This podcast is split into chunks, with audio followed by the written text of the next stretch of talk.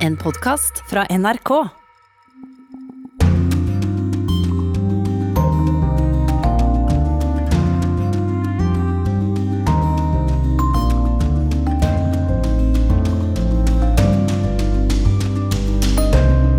people could possibly see them not following, and they're like, if, if they're not following, I won't follow.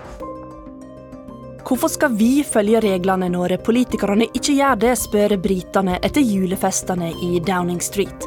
Mange mener at Boris Johnson ikke lenger er skikka til å være statsminister.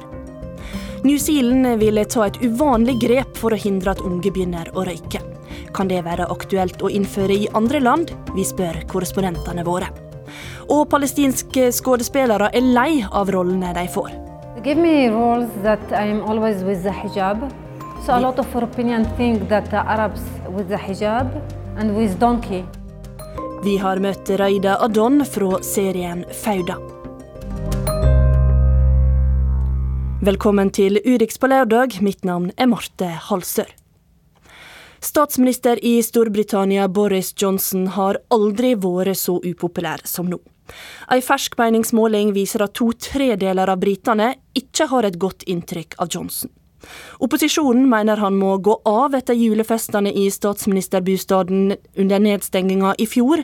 Sjøl sier han at det ikke var noe fest, men har satt i gang ei gransking av det som skjedde. Men det er langt fra det eneste Boris Johnson har måttet håndtere denne veka. Det fikk vår korrespondent i London, Gry Blekastad Almås, erfare da hun tok seg en tur ut. Jeg våger meg ut av kontoret en kort tur, selv om det føles som risikosport å ta blikket bort fra nyhetsoppdateringene. Noe kan jo skje mens jeg er ute. Jeg trenger heldigvis ikke gå langt for å få folks mening om Boris Johnson. The government has got to lead by example. Who is going to take his place? At the moment, that's the problem. You know, if you're going to take a leadership role, you need to act like a, a leader. En eldre, en middelaldrende og en ungdom. Alle er enige om at statsministeren har håndtert julebordskandalen fra i fjor dårlig i parlamentet denne uka. Et nyhetsvarsel på telefonen min forteller at Boris Johnson er blitt pappa for sjuende gang. Livets under midt i et politisk drama. If he doesn't resign, then he must be removed. Dagen før fødselen var tonen i parlamentet hard. Opposisjonens Ian Blackford krevde statsministerens avgang. Men Boris Johnson har ingen planer om å gå. Den som derimot gikk, var rådgiveren som på en video tullet med festen. Som kanskje ikke var en fest, men som nå skal granskes fordi den skjedde i statsministerboligen da Storbritannia var nedstengt før jul i fjor. I am truly sorry, and this afternoon I Allegra Stratton ble syndebukken, er det mange som mener, mens Boris Johnson går fri. Skjønt han kan få et problem. Da han samme kveld innførte strengere koronarestriksjoner i England, er det fordi han er bekymret for omikron-varianten, som nå dobler seg hver andre til tredje dag i Storbritannia. Men vil folk gjøre som han sier? Hvis regjeringen ikke følger reglene sine selv, så gjør ikke jeg det heller. Student Joe Vella beskriver hvordan mange tenker nå, og mener regjeringen er dårlige rollemodeller. You know, they they send out all these rules and then they don't follow them themselves, and it's not really painting a great picture for the public to to sort of learn from in a way. De fleste vi møter aksepterer de nye eh, innstramningene greit, men vi møter også de som mener at det nå er altfor mange regler som tres over hodet på dem.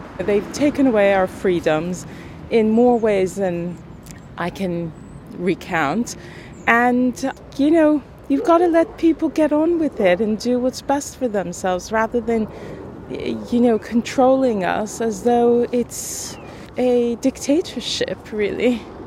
Det er blitt som et diktatur, mener Susan Pilkington. Hun setter ord på det mange briter føler, at restriksjoner kontrollerer folks liv, fører til økonomiske problemer og helseproblemer. I Storbritannia er alkoholrelaterte dødsfall gått opp med 19% under pandemien, og selvmord med 22 Jeg er i ferd med å vende nesa hjemover når Underhuset starter en ny debatt om juleselskap i Downing Street. Denne gangen er det regjeringens egen gransking av eventuelle lovbrudd som diskuteres. This so-called inquiry, which many people on this side of the house are already seeing as a cover-up. In, in which case, can we get an assurance that the Cabinet Secretary was not involved in giving the assurances to the Prime Minister, because if that's not able to be given, then it's quite inappropriate for him to be in charge of the investigation. Opposisjonen frykter det er bukken som skal passe havresekken i granskingen av julefesten. Eller rettere sagt julefesten ned. For det er avdekket at det var mange samlinger i statsministerboligen, mens resten av landet ikke fikk lov til å treffe sine aller nærmeste. Selv ikke på dødsleiet, noe Labours Afsal Khan fikk erfare. I am angry that while my mom lay dying in hospital, I could not hold her hand. And above all, I'm angry that members of this government could be so flippant, so callous, and so arrogant as to host not one, not two, not three, but seven parties and then lie about it. Afzal Khan er sint fordi mens hans mor og svigerforeldre døde, ble det holdt hele sju fester i statsministerboligen. Tre av disse skal regjeringen nå granske. Og så ramler det inn nok en hastemelding om Boris Johnson før jeg rekker hjem. Jeg har knapt vært ute en halv time. Det konservative partiet er ilagt en bot på over 200 000 kroner i forbindelse med oppussingen av statsministerens leilighet i Downing Street. En pengedonasjon var ikke oppgitt slik den skulle, slår den åtte måneder lange granskningen fast. Men hva visste egentlig Johnson selv? Labour krever at det granskes separat. And if there are rules which apply to the whole country, they apply to the government too. Hvis vi har regler som omfatter hele landet, så omfatter de regjeringen også, sier Philip Stevens, som jeg møter rett utenfor min egen inngangsdør. Det vil vise seg. Min tur er over, men jeg er ikke like sikker på at Boris Johnsons dramatiske uke er det samme. Og dramatikken er på ingen måte over for Boris Johnson. Øyvind Brattberg, førstelektor ved Universitetet i Oslo. Her bare baler det på seg med den ene krisa etter den andre. Hvor alvorlig er dette for Boris Johnson? Det er eh, helt, helt åpenbart alvorlig, og det er ikke avklart heller. Eh, Johnson går inn i en uke hvor det er noen helt uh, avgjørende veikryss som står foran ham. Um, stemmer, altså Voteringer i Underhuset over ytterligere tilstramning med, med vaksinepass osv., hvor det er en sterk opposisjon i hans eget parti som ikke ønsker at det nå skal, skal strammes til. Og så er det et suppleringsvalg til, til parlamentet, til Underhuset, på, på, torsdag, hvor hans kandidat også er, er, truet. Og under dette så ligger det en, det som, som ligner en, et, et gryende mytteri i hans eget parti. Det er fortsatt et stykke fram dit, men det er ingen tvil om at uh, Johnsons posisjon som statsminister og partileder er, eh, er dypt rystet av den, den, senere tida. Ja, for Opposisjonen krever jo nå at han går av, mens det samtidig er misnøye i eget parti. Hvor stor er den? Den er, eh, den er stor. Vil, lenge så, så, var, så har mange på et vis eh, akseptert at Boris Johnson for ganske nøyaktig to år siden vant et, eh, en, en, strålende valgseier med denne, dette budskapet om å få brexit gjennomført og, og overstått. Og, og, det brakvalget og den forstørrede parlamentsgruppa, det, har, han, har, han, har, levd lenge med det som, eh, som en slags ballast eh, og en antakelse om at han er folkets mann, og at han leverer varene. Og nå er det mange som begynner å tvile på på begge deler, i lys av det som synes å være litt korrupte tilstander, og også stillstand på en del politikkområder hvor man skulle ønske at man fikk til mye mer, og hvor man fortsatt lever i, i pandemiens skygge, så å si, og, og ikke har evnet å, å, levere noe av de andre valgløftene som mange venter utålmodig på. Ja, Han er jo altså da mer upopulær enn noen gang, så hva må han gjøre nå for uh, å berge seg gjennom det her?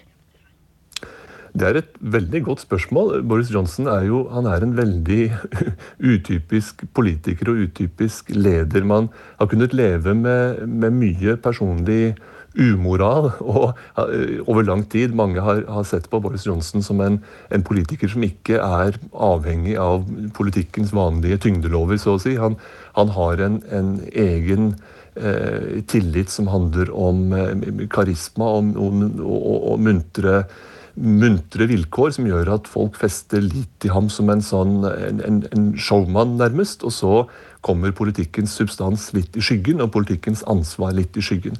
Der er vi ikke lenger nå. Eh, og det er mye som tyder på at etter to år som, som statsminister, så begynner en del av den, den magien å, å, prelle av eh, etter hvert. Og han må gjøre det samme harde arbeidet som andre politikere må, for å opprettholde tillit både i eget parti og, og, overfor velgerne. Og her og nå, i den uh, stormen av uh, granskninger knyttet til både statsministerbolig, eh, oppussing og, og, festene som der har funnet sted, og, og granskning av hans nære stab osv., så, videre, så er det beste han kan gjøre, er å legge alle kort på bordet. Forsøke å, å få avdekket det som måtte være av, av snusk, eh, og, og, forsøksvis komme videre fra det etter at man har eh, anerkjent at dette ikke er bra, og at han ønsker å gjøre ting bedre. Jeg tror det er den eneste farbare vei for det å forsøke å spøke seg ut av, den, av det hjørnet han nå er, eh, har havnet i, det er neppe noen troverdig strategi. Ja, hvordan vil du si at opposisjonen har håndtert dette? Med en mer eh, effektiv opposisjon og med, med, med dyktigere og mer eh, si, troverdige ledere i opposisjonen, så ville nok Boris Johnson vært i enda, enda hardere vær. Eh, Keir Starmer, som er Labour-leder og da på et vis fører an i, i, i, opposisjonen, han jobber fortsatt med å få et uh, sterkt og synlig ansikt i, i offentligheten forsøker etter beste evne å stille Boris Johnson til ansvar, og spesielt ukentlig i, i statsministerens spørretime, men har ikke hatt mer enn middels gjennomslag kan man si, i, i, offentligheten. Men nå er det noe som er i bevegelse. Nå er det eh, tendenser eh, i, i, meningsmålinger og i andre måter å måle offentlig opinion på som tyder på at Labour er, er oppe på siden av og har passert de konservative i oppslutning, og at det er stor personlig upopularitet knytta til eh, Boris Johnson selv. Så noe er i, gjemning, og kanskje kan, eh, kan, Labour spesielt da sparke fra mot den senere tidens uh, avsløringer. Men de har også mye ugjort arbeid, og derfor er det noe, noe uforløst og veldig uavklart knytta til situasjonen i dag. Det er jo fortsatt en stund til Johnson må lyse ut nytt valg i Storbritannia. Tror du at det blir han som gjør det innen 2024?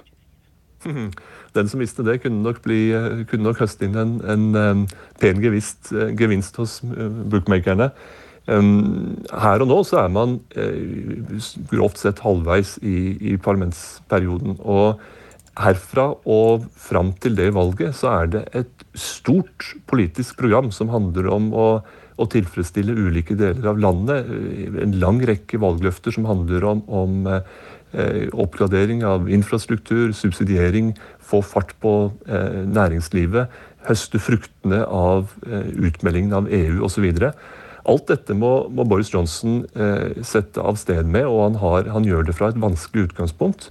Og det finnes eh, utfordrere i hans eget parti. Og det er også slik at Det konservative partiet blant eh, hva skal man si, europeiske styringspartier er av de som aller mest usentimentalt og skånseløst setter dolken i ryggen på egen leder dersom de finner det nødvendig.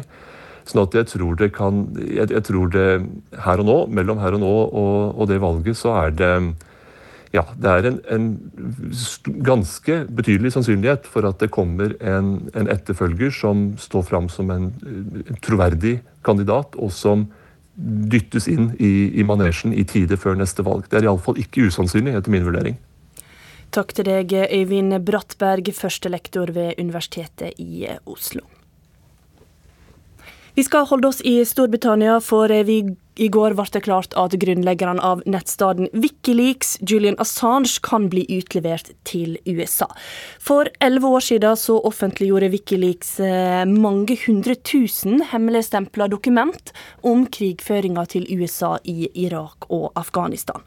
Og siden det så har USA bedt om å få Assange utlevert for å stille han for retten.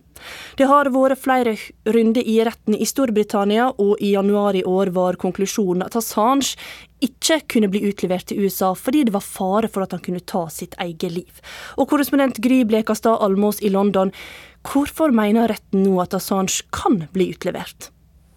Fordi eh, dommerne har fått forsikringer fra amerikanske myndigheter om at eh, Assange skal få brukbare soningsforhold. For da eh, dommeren i første rettsinstans nektet utlevering, så var det på bakgrunn av bekymring for Assanges mentale helsetilstand. Hun var redd at han kunne komme til å ta livet av seg, rett og slett. Men siden det så har altså amerikanske myndigheter kommet med denne forsikringen om at han ikke skal bli satt under de strengeste soningsforholdene, og at han eventuelt også kan sone sone i hjemlandet, Australia, dersom han blir dømt. Eh, og dermed har dommerne nå i denne rettsinstansen da ment at eh, det er grunnlag for at han kan utleveres. Det har kommet mange reaksjoner, og hva er det folk reagerer på? Ja, folk mener jo at dette er et angrep på pressefriheten. Ehm, at Storbritannia er i lomma på USA. At det er en politisk motivert dom. Eh, og også at det britiske demokratiet har spilt eh, fallitt. Det er mange og sterke reaksjoner på denne utleveringsdommen. Eh, som kommer til å bli anket, bare for at det er sagt, av Julian Assange og hans, hans jurister. Det er jo en del år siden Assange og Wikileaks publiserte disse dokumentene. Hva var det som sto i dem? Jeg traff jo Assange den gang tilbake i 2010, da han publiserte disse hemmeligstemplede dokumentene eh, først om krigføringen i Afghanistan. Og Han sa jo da at han var helt overbevist om at det var riktig å publisere eh, disse dokumentene uredigert på nettstedet Wikileaks. Eh, mens militære kilder uttrykte jo stor bekymring for at de kunne skape farlige situasjoner for, for soldater og andre som var omtalt i disse dokumentene. Avsløringene ble eh, det, det handlet jo om drap på sivile, eh, drap på egne soldater osv. De ble også publisert i flere aviser som hadde fått tilgang til de samme dokumentene eh, på forhånd, da, som behandlet dem journalistisk. Eh, og Assange publiserte også tilsvarende dokumenter fra krigen i Irak. USA sier at det å hente ut og publisere disse dokumentene, det er ulovlig. Og dersom han blir utlevert, hva kommer til å skje med han da? Mm. Da blir han stilt for retten i USA. Han er tiltalt på 18 punkter, hvorav 17 av dem handler om spionasje. Um, og da risikerer han 175 år i fengsel på papiret. Um, selv om det, jeg ser at man skriver at det kanskje er mer sannsynlig at han får mellom fire og seks år. eller noe sånt, Men det gjenstår selvfølgelig å se. Uh, han har jo vært i et slags fangenskap i over ti år allerede. Uh, sittet mange år i asyl i den ekvadorianske ambassaden her i London. Og også uh, i et høyrisikofengsel som han har sittet i de par siste årene. Uten lov og dom. Der sitter han fortsatt mens denne prosessen går sin gang. Og selv om denne britiske domstolen har sagt at han kan bli utlevert, så eh, skal altså vi saka videre i eh, rettssystemet før det kommer ei endelig avgjørelse. Takk eh, Gry Blekastad Almås i London.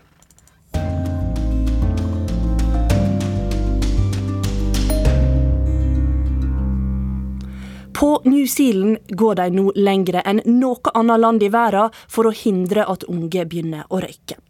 Denne veka vedtok de å jobbe for en ny lov som forbyr alle som er født etter 2008 å kjøpe røyk.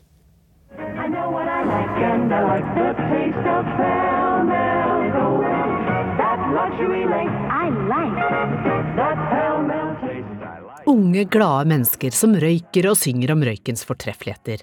Dette er reklame fra 50-tallet. Discover the long filter cigarette that's long on flavor.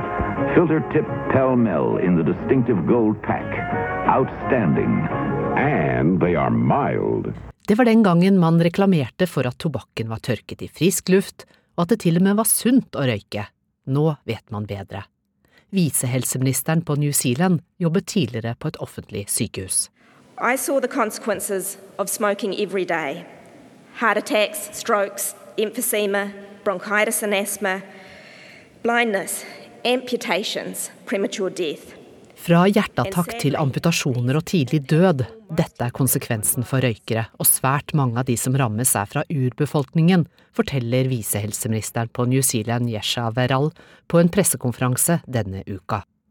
Nå vil myndighetene på New Zealand ha slutt på dette, og de har satt seg en ambisiøs plan. We want to make sure young people never start smoking. So we are legislating for a smoke free generation by making it an offence to sell or supply tobacco products to those aged 14 when the law comes into effect. As they age, they and future generations will never legally be able to purchase tobacco because the truth is there is no safe age to start smoking. Loven som regjeringen vil vedta neste år, gjør det forbudt for innbyggere under 14 år å kjøpe røyk resten av livet. Framtidige generasjoner vil dermed aldri kunne kjøpe tobakk lovlig. Ute på gata i Auckland sjekker lokal-TV stemningen for den nye loven med en mann som sitter med sigaretten i hånden. I think um, maybe it's a good idea because at the end of the day, smoking is bad for you, and it's really hard to quit. Yeah. So being a smoker, you know, and going through all this, I I know that. So maybe it's a good thing at the end of the day because forcing people to sort of quit or cut, cut down a little bit. So. Jeg syns det er en god idé, for røyking er ikke bra, men det er vanskelig å slutte, sier denne røykeren, og legger til et viktig poeng.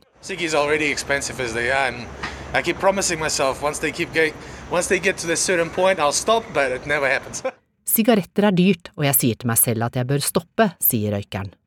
Det finnes i dag 1,1 milliarder røykere i verden, og det er flere enn noensinne. Ifølge legetidsskriftet Lancet dør åtte millioner på grunn av røyking hvert år på verdensbasis. 4000–5000 av dem dør på New Zealand. Røyking står også bak en fjerdedel av alle krefttilfellene i landet og det er særlig folk fra landets urbefolkning, maori og folk med opphav fra andre land i Stillehavet, samt folk med lav inntekt som sliter med helseproblemer som følge av røykingen. Derfor er også målet til regjeringen på New Zealand at under 5% av befolkningen skal være røykere innen 2025. This is an important milestone in the history of. It's a bold plan, and I'm very proud to have my name associated with it. We have come a long way dette er en viktig milepæl i kampen for å kontrollere tobakken. Vi har kommet en lang vei, sier visehelseministeren på New Zealand. Så spørs det om andre land vil være like dristig. Reporter her var Anja Strøn. Så hvordan er egentlig røykevanene rundt om i verden?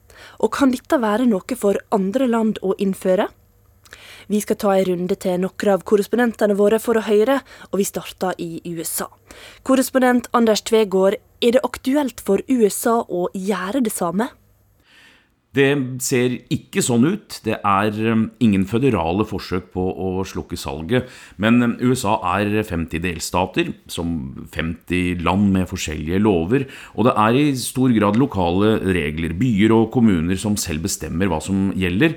Det er store slutt å røyke-kampanjer, og aldersgrensa for å kjøpe sigaretter er justert fra 18 til 21 år de siste par åra. Men forbud i Land of the Free, det ligger nok eh, langt unna. Så hvordan er egentlig situasjonen for røykere i USA? Vi snakker om eh, rundt 14% 34 millioner mennesker som fortsatt eh, røyker her i USA. De fleste delstatene forbyr røyking inne på kontorer, barer og restauranter. Noen går enda lenger. Og så er det enorme forskjeller i pris. Her i New York f.eks. så er det strengt og dyrt. Folk ser rart på dem som står på gatehjørnene og røyker, vifter demonstrativt røyken bort på fortauene når de haster forbi eksosen. Det er ikke lov i parker heller, og prisen på en pakke røyk er f.eks. dobbelt så høy her tror den koster rundt 130 kroner. Dobbelt så, så, høyt som i tobakksproduserende Virginia rett ved hovedstaden. Og da snakker vi om sigaretter. For Cannabis, marihuana, det ble legalisert i New York for et halvt år siden, og neste sommer så er trolig utsalgsstedene på plass. Steder som genererer skatteinntekter til kommuner og delstat. Så en røyk er ikke nødvendigvis en røyk. Vi skal flytte oss til Europa, og der er det store forskjeller. Mens trenden i Vest-Europa er at det er færre som røyker nå enn før, så er tallene fremdeles ganske høye i øst. Korrespondent Simen Eken, du er i Belgia, og hva er deres forhold til røyking? Belgia ligger omtrent på gjennomsnittet i EU, litt under. Um, men de har ligget ganske høyt i mange år.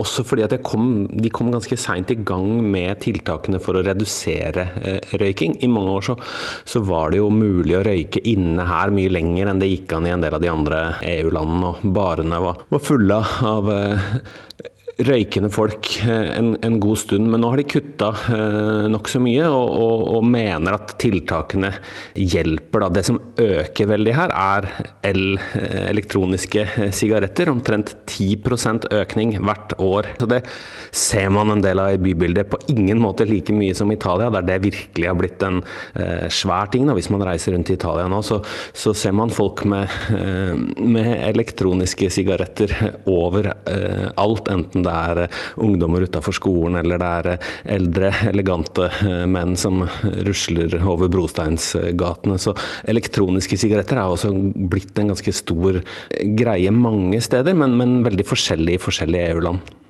Og til slutt så skal vi til Russland og vår korrespondent Jan Espen Kruse. Hva forhold har russerne til røyking? Ja, da jeg begynte som korrespondent her i Russland for tre og et halvt år siden, så merka jeg med en gang at det var mye mer røyking her i det russiske samfunnet. Særlig blant menn tror jeg det er riktig å, å si at det røykes mye mer. Eh, en helt sånn uhøytidelig liten greie som jeg ser stadig vekk, er at når jeg kjører bil her, eh, særlig på kveldstid, så kastes det sneiper ut av bilvinduene, det blir som små fyrverkeri, og det ser jeg mye, mye oftere her enn Eh, hjemme i Norge. Og Statistikken den viser viser at det er om lag 23% som eh, røyker her sånn i Russland. Og det er jo vel mer enn dobbelt av det det er i Norge. Og hva gjør styresmaktene da for å få folk til å slutte? Ja, De russiske myndighetene de gjør jo det samme som mange andre steder. Altså det, det, blir dyrere å, kjøpe tobakksvarer. Eh, det er forbud på, mot røyking på offentlige steder. De, de har også gjort eh, noe litt sånn originalt med, med, forbud mot å røyke på balkonger, fordi eh, det sjenerer naboer og det er brannfarlig osv.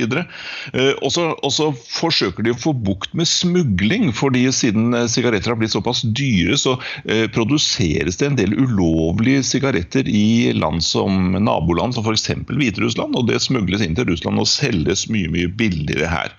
Men, men altså, totalt sett så er ikke tiltakene som settes inn i Russland så dramatiske som i mange andre land. Myndighetene ser ut til å være litt engstelige for å bli upopulære.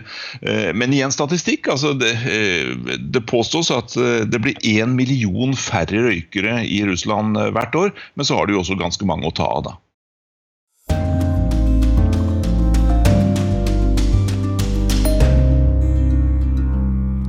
I Israel har den store palestinske minoriteten fostra mange kjente skuespillere. Reida Adon er en av dem, og hun spiller bl.a. i serien Fauda, som mange har sett på Netflix. Men mange av de palestinske skuespillerne er misfornøyde med at de som oftest får roller som islamister og terrorister. Det feires i et palestinsk nabolag. Gud er stor, vi har drept en jøde, roper de. En voksen kvinne, kledt i hvit heldekkende hijab og en lang kappe, deler ut sukkertøy. Sønnen hennes har drept en israelsk agent. Kvinnen smiler til alle men når hun går derfra, forsvinner smilet raskt fra ansiktet. Hamas-sønnen hennes er i fare. Det er Raida Adon som spiller Om Nidal, Nidals mor i den israelske serien Fauda på Netflix. Men hun er ikke fornøyd med rollen sin. No, no, I'm so nervous. They give me roles that I'm always with the hijab. So a lot of Europeans think that the Arabs, Palestinian uh, with the hijab and with donkey. Nei, jeg er opprørt, for jeg får bare roller der jeg går med hijab, så mange folk tror at alle palestinere går med hijab, og at de har med seg et esel, sier Raida Adon oppgitt til NRK. Vi treffer henne i Jerusalem, der hun kommer til avtalen vår, iført hvit shorts og hvit skjorte, selv om det er høstlig vær. Det krøllete, lange håret er satt opp i en topp. Det er som om hun vil vise oss at hun er milevis fra rollekarakterene sine, der hun som regel er en bekymret mor til en militant palestiner, og der hun må kle seg svært konservativt. Uh, Så mange kjenner meg ikke igjen, for de ser meg bare på TV i den samme rollen, sukker hun. I den norsk-israelske serien Bortført spilte Don den bekymrede moren til en IS-terrorist. Du trodde ikke at jeg var slik i virkeligheten, spør hun meg om flere ganger. Adon er palestiner og israelsk statsborger. Det er ingen lett identitet. Jeg har to kulturer, og jeg leser to alfabet. And it's not easy to be Palestinian and, and to be with the Jews that they let you feel that you are not belong to them. Men det er ikke bare lett å være palestiner og jobbe med de israelske jødene, de som lar deg kjenne på at du ikke tilhører dette landet, de som minner deg om at du er araber, sier hun. Under krigen i 1948, da staten Israel ble til, ble 750 000 palestinere tvunget på flukt og fordrevet. De tok med seg nøklene sine, men fikk ikke komme hjem da krigen var over. Men 160 000 palestinere ble i landet, og nå teller de 21% av Israels befolkning. Og nettopp de palestinske israelerne har utmerket seg i filmens og kulturens verden. Hiam Abbas fra Nazaret er som Meryl Streep. Hun får store roller, også internasjonalt, og mange kjenner henne fra serien Succession som Marcia Roy. Mohammed Bakri fra Galilea og hans tre sønner Saleh, Siam og Adam er som Skarsgård-familien. De er å se overalt. Og de er bare noen av mange stjerner. Etter 11. september gikk internasjonale regissører i gang med å lage en ny type filmer der den arabiske terroristen er den nye fienden. Et nytt marked åpnet seg for arabiske og palestinske skuespillere. De fikk fylle rollene som bad guys. Israel har nok av politikk, historie, traumer og konflikt å dvele ved i utallige filmer og TV-serier, som i Fauda. Reida Adons karakter Omni Dal sitter sørgende i heldekkende svart, bare ansiktet hennes synes. Hun sitter foran et bilde av martyrsønnen sin. TV-reporteren fra Al Jazeera spør henne om hvilket budskap hun har til det palestinske folket.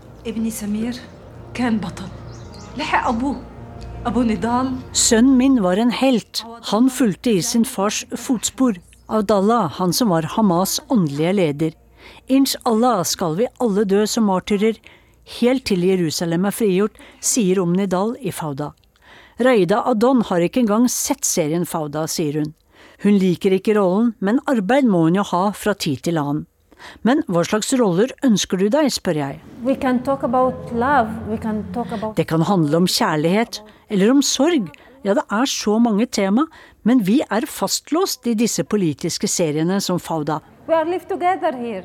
We have also a lot of friends Palestinian and Jewish together.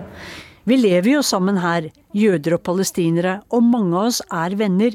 Men i Europa så tror folk at vi er i evig krig av disse seriene, sukker hun. Det var kollega Sissel Wold som trefte Raida Don i Jerusalem.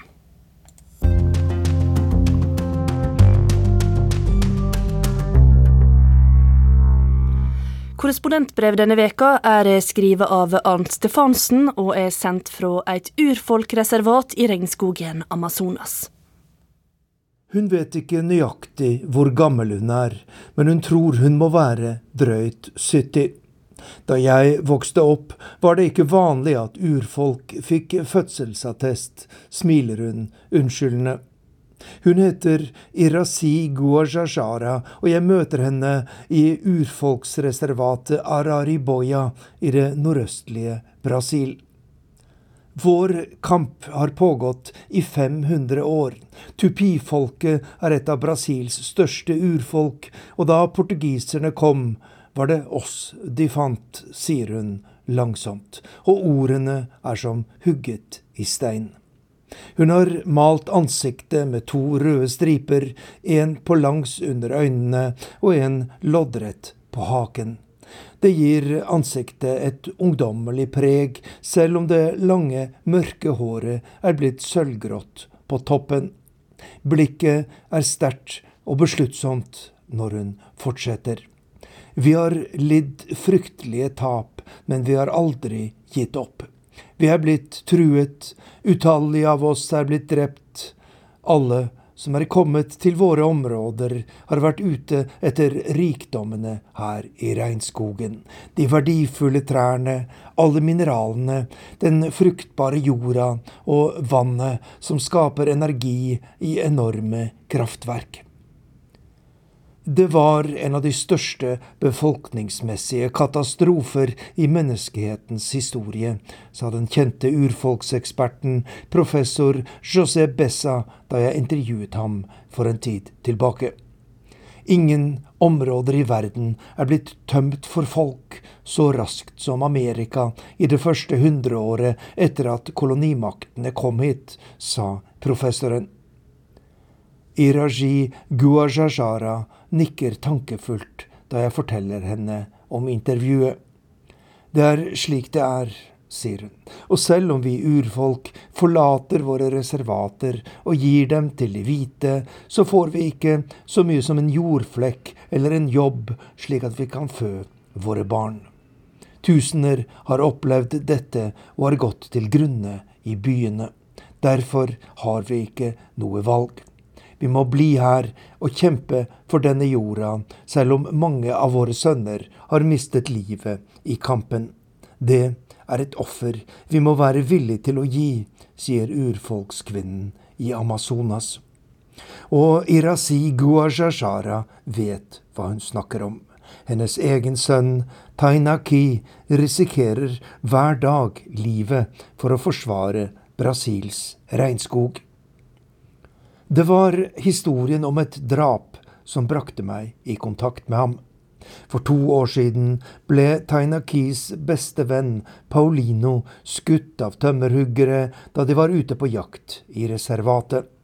Drapet fikk internasjonal oppmerksomhet fordi det var blitt laget en TV-reportasje med Paulino bare noen måneder tidligere. I reportasjen forteller han om sin livsfarlige jobb som guardian da floresta, skogvokter. Dette er en frivillig gruppe av urfolk som kjemper mot hvite tømmerhuggere og jegere som tar seg ulovlig inn i urfolksreservatet.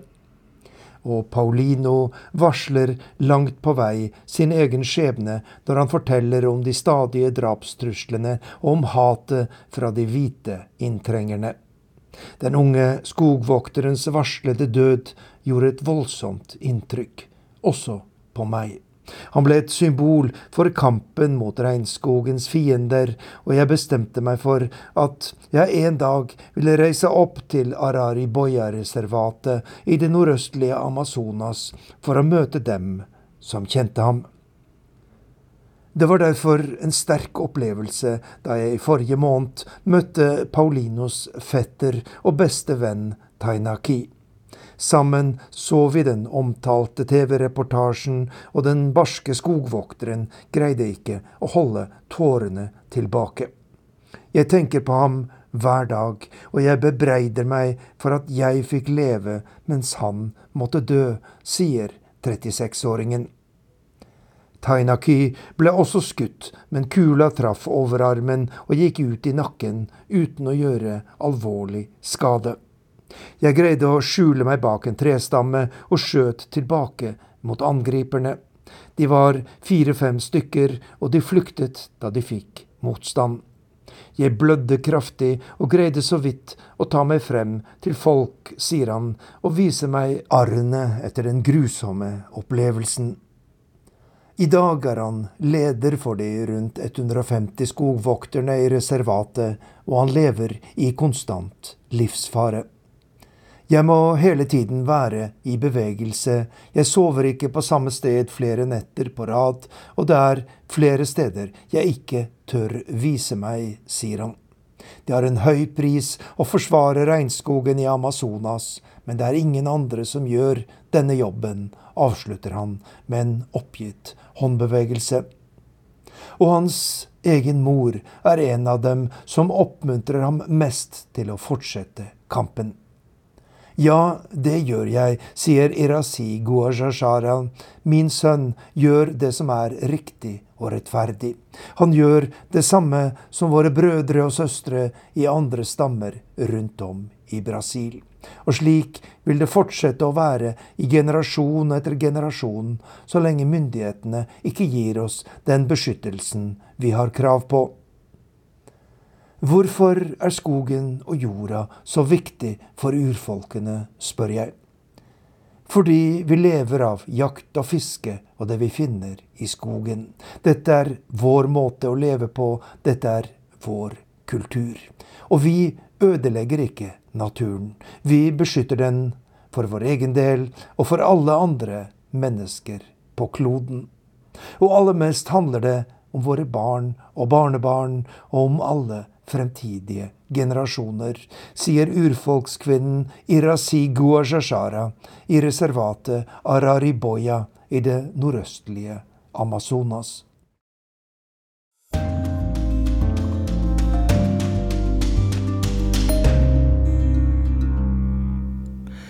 Hvordan er egentlig arbeidshverdagen for journalister i Russland som får fridommen sin innskrenka? Den russiske journalisten Sergej har blitt stempla som utenlandsk agent av styresmaktene i heimlandet. Agentlova har gjort livet for uavhengige journalister mye vanskeligere, og det skal du få høre om nå i denne utgåva av podkasten Krig og fred. Utenfor apoteket i hjembyen sitter den russiske frilansjournalisten Sergej Markelov i bilen sin. Mens han venter på å hente bestillinga si, tar han fram telefonen. Da får han en melding fra en kollega. Har du sett nyheten, står det. Nå dukker navnet ditt opp i en lenke på nyhetsbyrået TASS som utenlandsk agent. Dette høres kanskje spennende ut, men er du russisk journalist, er det ingen spøk.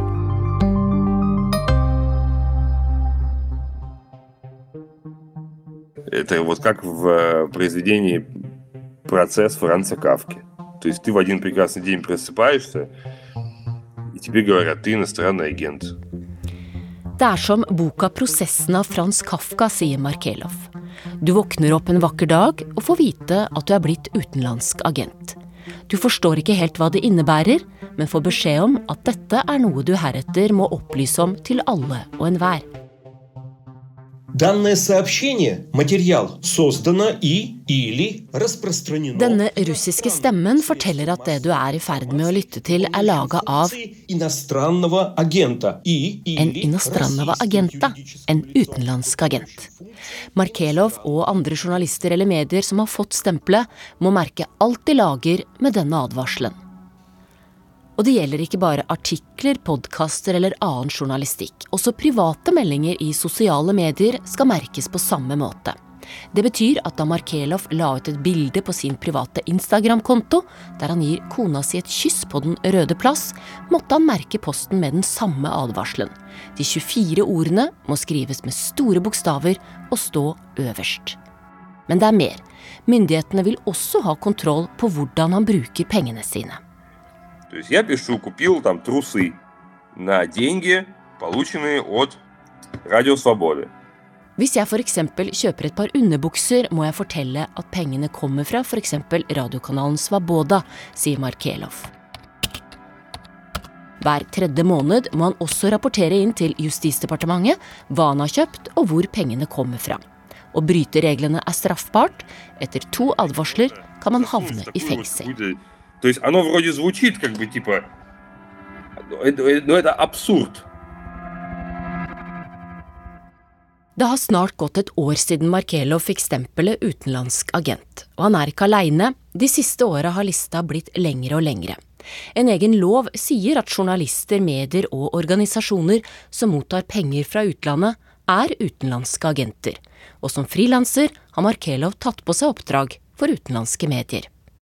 Det er jo å få et stempel som er med på å stigmatisere deg. Det er jo et stigma fordi det nettopp viser at eh, du jobber for eh, en annen stat. Altså du jobber mot russiske interesser og er på en måte en fare for rikets sikkerhet. Og det gir jo gjenklang i Russland, fordi dette er nettopp sånn språkbruk man brukte under Sovjetunionen. Så det er et merkelapp som gjør det vanskeligere å operere i Russland. Jeg heter Ane Tusvik Bonde, og er seniorrådgiver i Human Rights House Foundation, som er en organisasjon som jobber med lokale organisasjoner, bl.a. i Russland. Det gjør det også vanskeligere å komme i kontakt med myndigheter. Det gjør også at man ser med flere medier eh, at annonsørene forsvinner. At folk tør ikke lenger å annonsere i avisa, vil ikke bli forbundet med den. Så generelt så tenker jeg at eh, for folk flest så, så gir dette en, altså en negativ Det er en negativ klangbunn når man hører om utenlandske agenter. Loven om utenlandske agenter er snart ti år gammel. Den omfatta først organisasjoner, men gjelder nå også medier, enkeltjournalister og bloggere. Og hele problemet med loven er at den er så vag, sånn at myndighetene kan bruke den ganske vilkårlig til å slå ned på dem de vil. Eh, nettopp for å hindre kritiske røster, for å hindre at objektiv informasjon kommer ut.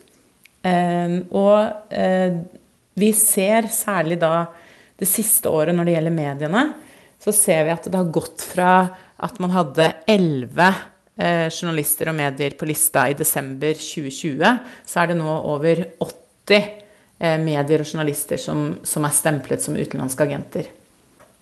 Det det også kan føre til, det er jo en selvsensur. At du merker at, at folk blir redde og man, er, man, blir redd for hva man skal skrive om, og også for å ha kontakt med, med internasjonale organisasjoner, delta på internasjonale seminarer, debatter, fordi man ikke vet om denne loven også kan brukes mot deg fordi du gjør det. Nettopp fordi det er så vagt hva som menes med utenlandsk eh, støtte. President Российской Федерации Vladimir Vladimirovitsj Putin. I 2018 ble Vladimir Putin innsatt som president i Russland for fjerde gang. Han har snart styrt landet i over 20 år, i stadig mer autoritær retning. Et eksempel er kontrollen med mediene. Men loven om utenlandske agenter er kun retta mot det å begrense innblanding i Russlands indre anliggender, hevder Putin. Han påstår at det samme gjøres i andre land, f.eks. i USA. Han viser jo da til at USA har jo også en slik eh, utenlandsk agentlov som de etablerte på 30-tallet, og at de har erklært denne Russia Today, altså RT, for utenlandsk agent.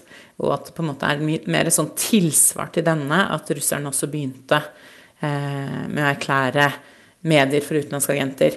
Men det som er spesielt i Russland, er jo at man også erklærer sine egne borgere for det. Folk som jobber for, for russiske medier. Putin har jo helt fra han kom til makten, slått ned på mediene i Russland og begrenset ytringsfriheten. Han begynte med å ta over eh, uavhengige TV-stasjoner. og Siden så har man brukt andre former for lover, som æreskrenkelse og nå under koronaen at folk bruker falske nyheter. Mens nå så bruker man da agentloven til å nettopp innskrenke da handlingsrommet til, til journalister, og til meningsytring generelt.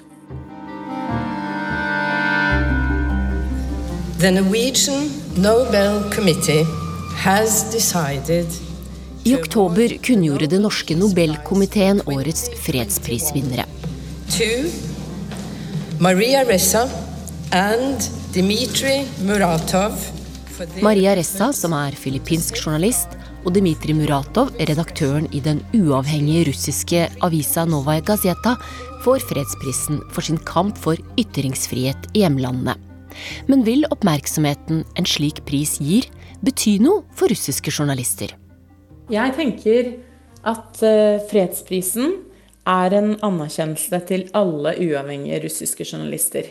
Både de som jobber i dag, og de som er blitt drept for å gjøre arbeidet sitt. Og at denne prisen kan sette mer fokus på hvor vanskelig situasjonen er for pressefriheten og ytringsfriheten i Russland, og gi dem den anerkjennelsen de fortjener for at de fortsatt gjør dette arbeidet på tross av hvor vanskelig det er.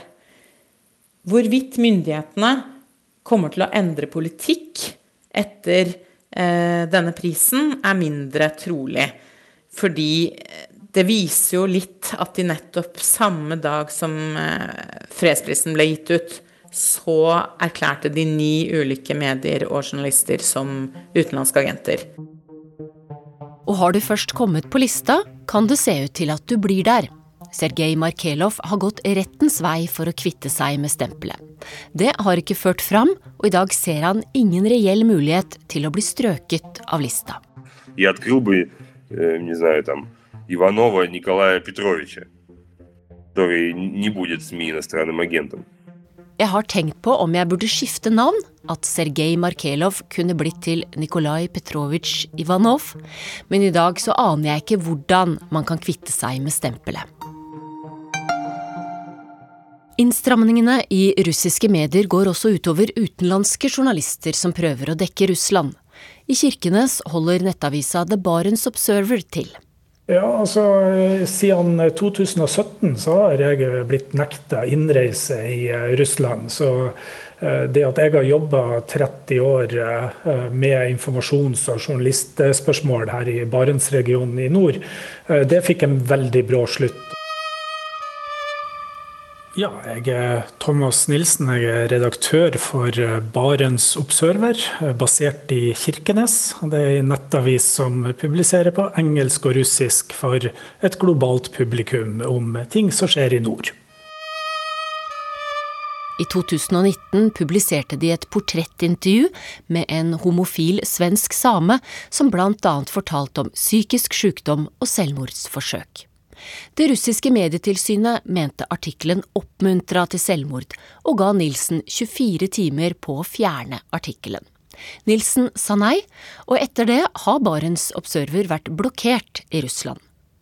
Nilsen har ikke gitt opp kampen mot russiske myndigheter. Avgjørelsen om at han ikke lenger får komme inn i landet, har han ikke slått seg til ro med.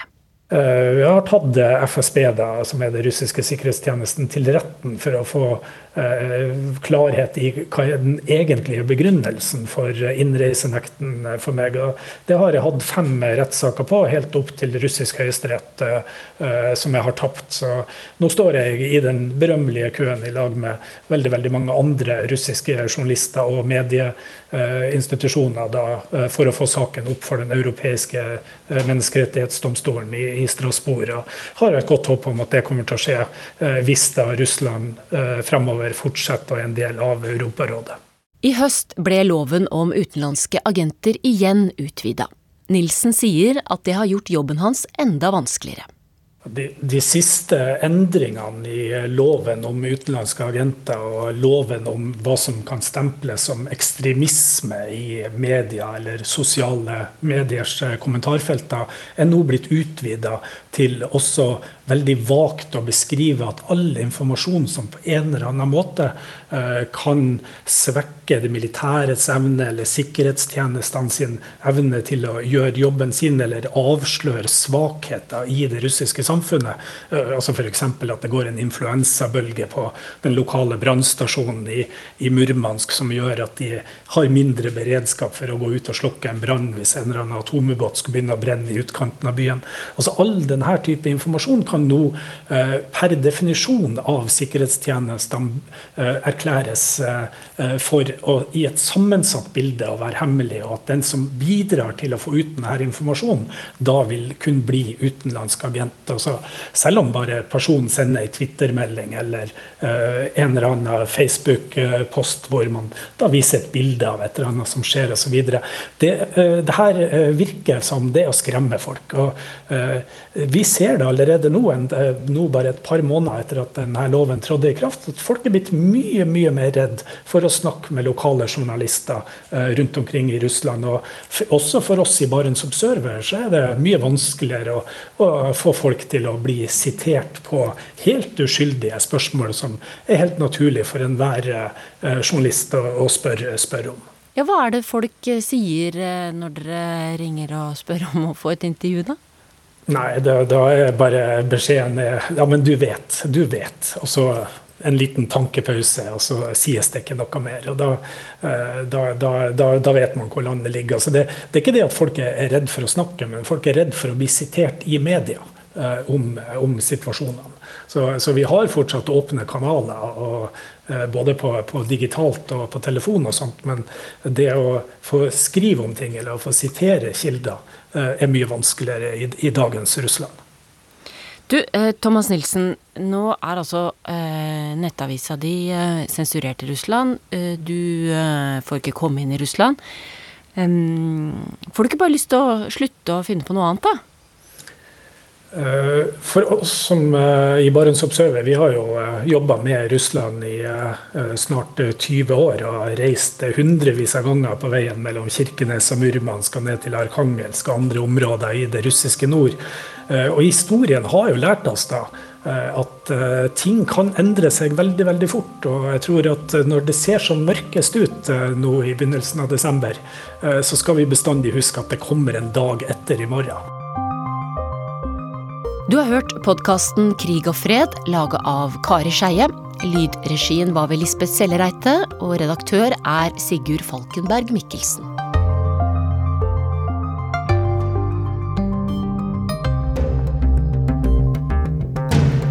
Og med det var Urix på lørdag over. Teknisk ansvarlig for sendinga var Finn Lie. Produsent eh, Tom Ingebrigtsen, og i studio Marte Halsør. Og vi takker for følget og ønsker god helg.